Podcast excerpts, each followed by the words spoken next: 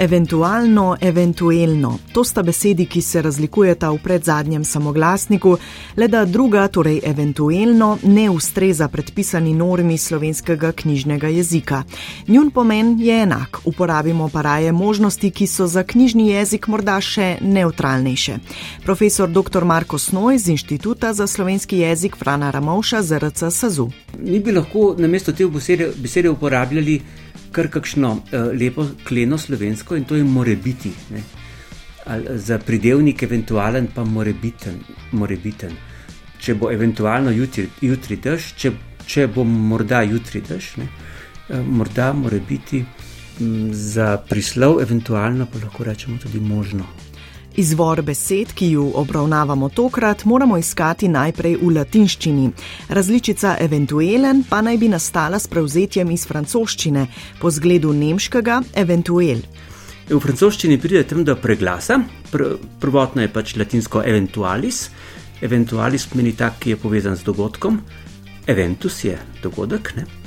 In v francoščini pride tam do preglasa, zato ker je v končnici i. In ta, naglas, ta preglas so tudi Nemci prevzeli, mi pa potem iz Nemščine. To je, bi rekel, ljudska izposojenka iz Nemščine.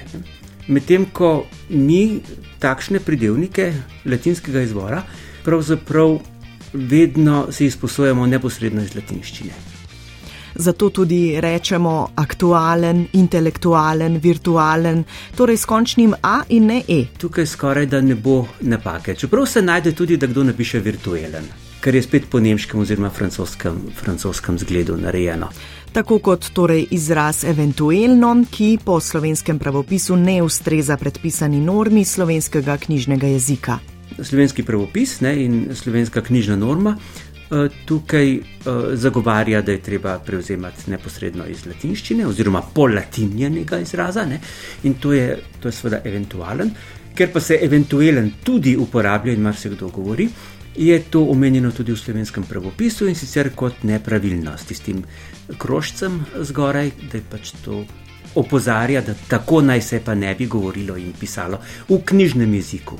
V dejanski rabi pa se, čeprav različno pogosto, pojavljata obe. Ta podatek imamo, kolikor ga prinašajo besedilni korpusi, in sicer je razmerje približno 1 proti 5. Torej, petkrat pogosteje se uporablja eventualen kot uh, eventualen. Kar veliko, ampak vendarle bi rekel, je razmerje tako, da je treba tudi dvojnico eventualen upoštevati. Ne? Vsaj zabeležiti in napisati, pač to ni najboljša izbira, ampak gledajte, je, ne? se uporablja. In zdi se, da bolj, ko gre za spontano in recimo temu nelektorirano rabo slovenščine, večji je delež oblik z e, torej eventualno. Če gledamo, kdo piše eventualen, to se, to se piše po raznih forumih, na spletu in na Facebooku boste tega precej našli. Ne boste pa našli tega ne v leposlovju, ne v, vem, v časopisju, tega ne bo. Ne? Tam, ker je nekdo, ki je že malo pismen, ne? tisti ne bo, re, ne bo napisal eventualen, tudi če bo kdaj rekel. Ne? Torej, po slovenskem pravopisu je ustreznejši izraz eventualen. Vzrok za to, da se v rabi pojavlja tudi izraz eventualen, torej s predzadnjim samoglasnikom E in ne A, pa moramo iskati v nemščini. Nemščina je tista, ki je, ki je bila kriva. Mi smo Nemce poslušali, oni rečejo eventuel, ne? in to besedo nismo prevzeli, te besede nismo prevzeli iz latinščine, ampak dejansko smo jo iz nemščine prevzeli. Ne? Ampak tudi besede, ki jih prevzemamo iz nemščine, moramo v knjižnem jeziku polatiniti nazaj. Mi tudi rečemo, recimo, danes prekaren, ne? prekarni delavci so. Eh, čeprav rečejo francozi in, in, in nemci preker.